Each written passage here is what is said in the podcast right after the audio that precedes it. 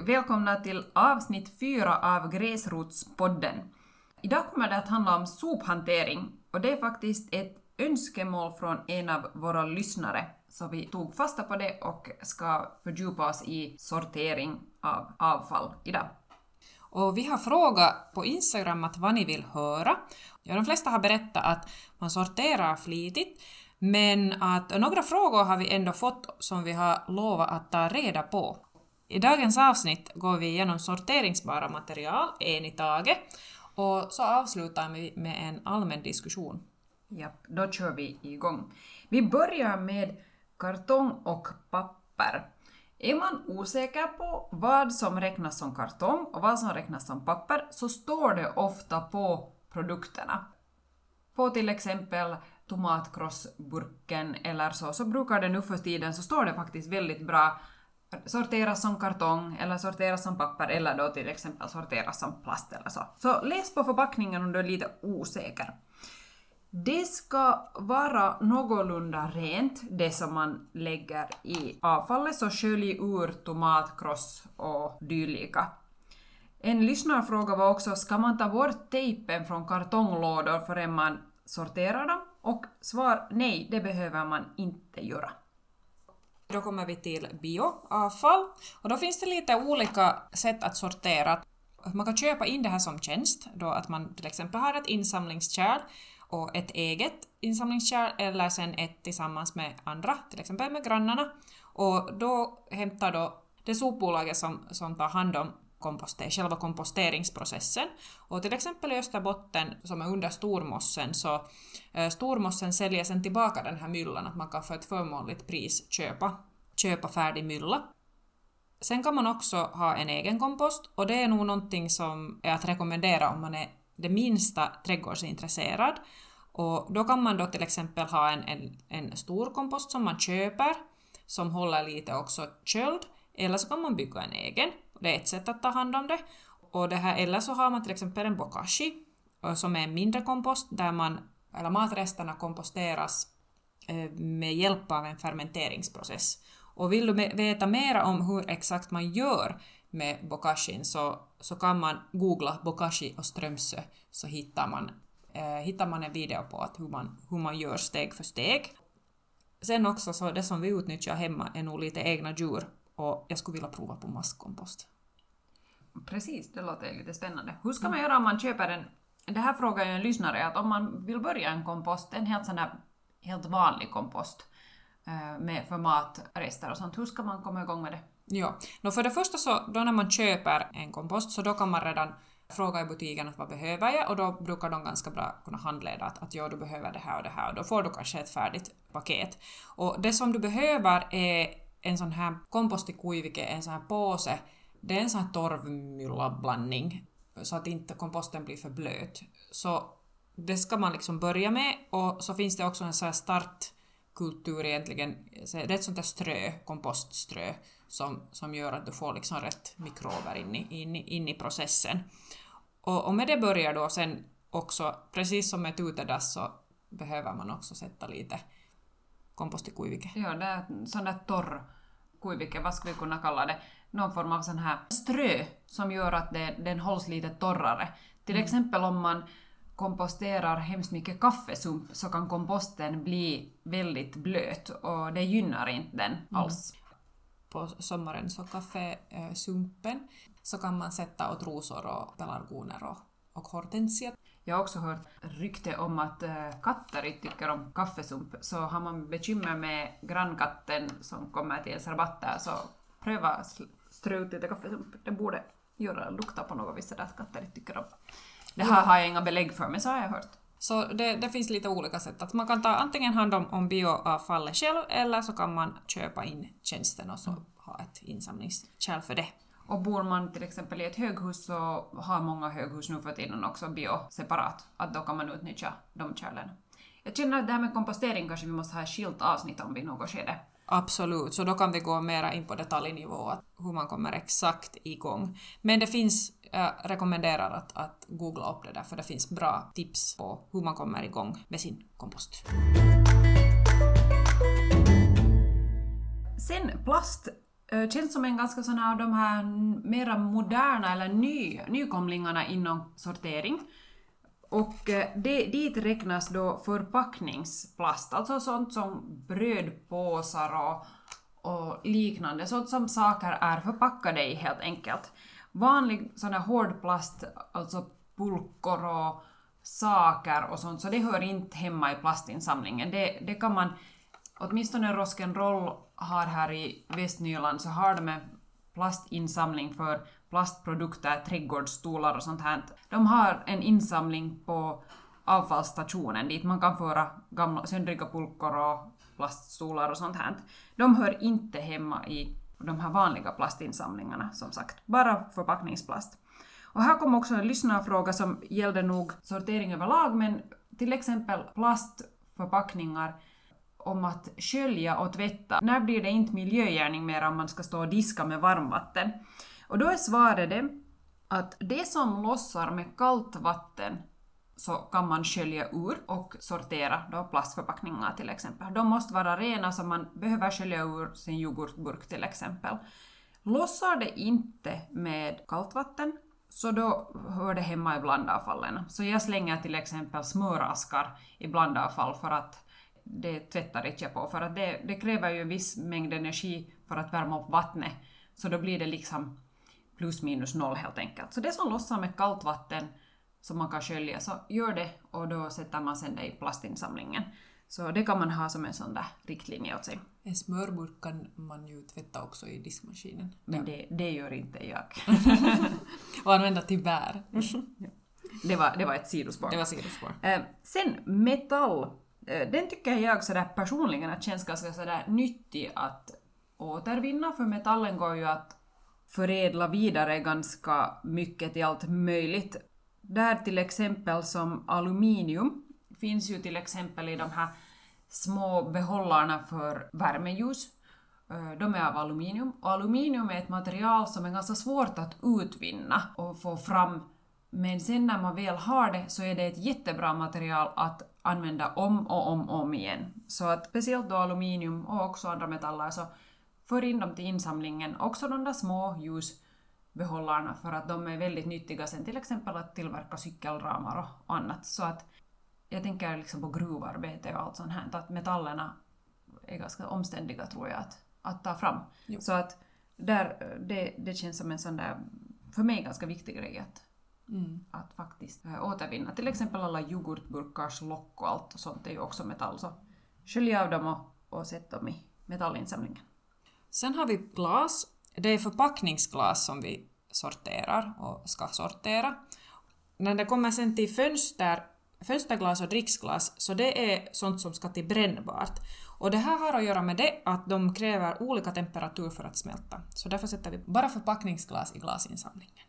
Eh, sen har vi batterier.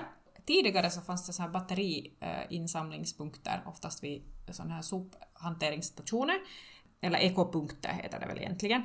Men nu så är det nästan inne i butiker som man hittar de här lådorna. Och då lönar det sig att, att tejpa polerna för att det finns en viss sån här brandrisk i det att det kan bli kortslutning med de här batterierna. Också när man har dem hemma och förvarar sina batterier, för emellan kan det ju vara ändå lite struka kvar redan, så tejpa ändarna på dem att inte ni har en, en burk som är en potentiell brandrisk hemma. Så det här var de där riktigt vanliga sorteringsmöjligheterna och materialen som är kanske de lättaste att sortera här i, runt om i landet. jag kan hålla med att ibland är det nog ganska omständigt det här med att sortera, för jag tycker att det tar ganska mycket utrymme och det tar ganska mycket tid att ha, ha mycket material lite här och där och sen att föra bort dem och sånt här. Så jag kan förstå att det, här, det kräver ett visst engagemang. Jag förstår att man kanske inte alltid orkar, man har kanske inte alltid möjlighet att sortera allt. Så välj nu någonting åtminstone om det känns sådär motigt att börja sortera. Och många kök, äldre kök, är inte alls eh, dimensionerade för att sortera, eller det finns inga vettiga ställen att lägga sorterbart material på, Eh, bostäder och hem likaså. Sen var det många av er som kommenterade här i vår förfrågan på stories på Instagram att det är så jätteberoende på var man bor. Att hur, hur kan man sortera? Att, att bor man inne till exempel i ett höghus eller ett bostadsbolag så står det på gården massa kärl som man sen lätt kan sortera i och också beroende lite på vilken kommun och hur stan har ordnat till exempel var man kan lämna in plast och sånt här. Och bor man ute på landet så har man kanske inte möjlighet till sådana flerfackskärl på gården och sånt här. Att mm, vi har lite olika förutsättningar för att faktiskt sortera. Det, det är en sån här, ett litet frågetecken kanske för många för att det, det är inte alltid så där bara faktiskt. Och jag, jag kan hålla med om att ibland känns det övermäktigt när det står kartonger och det står glas och det står plastpåsar någonstans och sådär. Men sen är det ju ganska befriande att faktiskt få dem fört, att man tar sig kragen och för dem. Men det kräver ju också kanske ofta att man har en bil till förfogande så att man kan föra dem, packa hela bilen full och föra och sådär. Så att helt enkelt är det ju inte det här med sortering. Nej. Och just det här att, att hur mycket det kan, det kan kräva ganska mycket tid att få fram den här informationen. Att väntas nu att vad är det som gäller i min kommun? Att var, är, var, är, var finns det några insamlingspunkter för vad? I och med att kommunerna har faktiskt olika, har olika system. Just det här skillnaden mellan att bo i, i, i höghus då, eller ett husbolag och, och det här att ha eget egna hemshus. Då blir ju lite ditt eget husbolag. Du måste sköta allting. I ett husbolag till exempel inne i en, i, i en stad så då finns det någon, där är man flera som delar på och, och fixar hela, har en uppsättning, medan du sen står ensam på landet och ska försöka organisera det hela. Det finns ju nog vissa sådana här fördelar med att sortera. Till exempel, vi fifflar ganska mycket med det här tömningsintervallet och det finns en liten peng att spara i det. Att om man sorterar flitigt och det mesta är ändå gratis att sortera, att du kan föra in, att vissa så större saker så måste man då betala för antingen i form av en engångsavgift eller sen en, en sån här års, årsavgift. Men det som man kan nu så här i vardagen sortera och få bort från den vanliga, från brännbart avfall som kostar per gång att tömma. Så om man får tömningsintervallet förlängt, vilket många inte ens vet om att man kan göra, så då kan man ju spara in, det blir inte lika många tömningar per år. Så där har vi sparat en liten, liten slant eh, vi har det här eh, ett tömningsintervall på åtta veckor. Eh, det är inte kanske riktigt så bra. Vi har ett ganska litet kärl också och det här är, det är lite hardcore. Det är inte, det är inte kanske, jag rekommenderar det inte för som, sommaren måste vi ha ett kortare tömningsintervall. Så är det bara för att det kommer att börja lukta annars.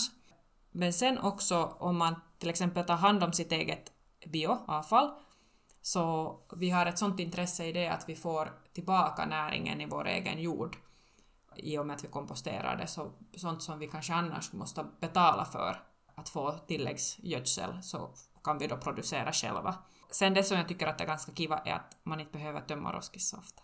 För att det är fördelat på flera olika insamlingskärl då hemma hos oss. Men det kräver också att man har då ett bra system som funkar.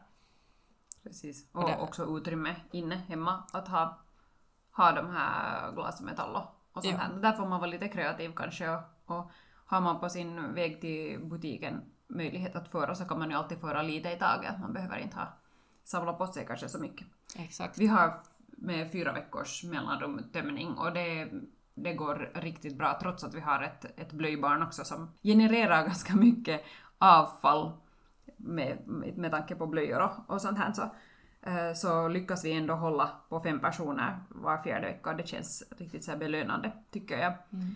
Och det som många konstaterar nu när den här plast kom för, vad ska vi nu, vad ska vi hitta på, fem, sex, sju år sedan, så började man kunna sortera plast. Och det var många som sa då, men det blir ju ingenting kvar i vanliga roskisen.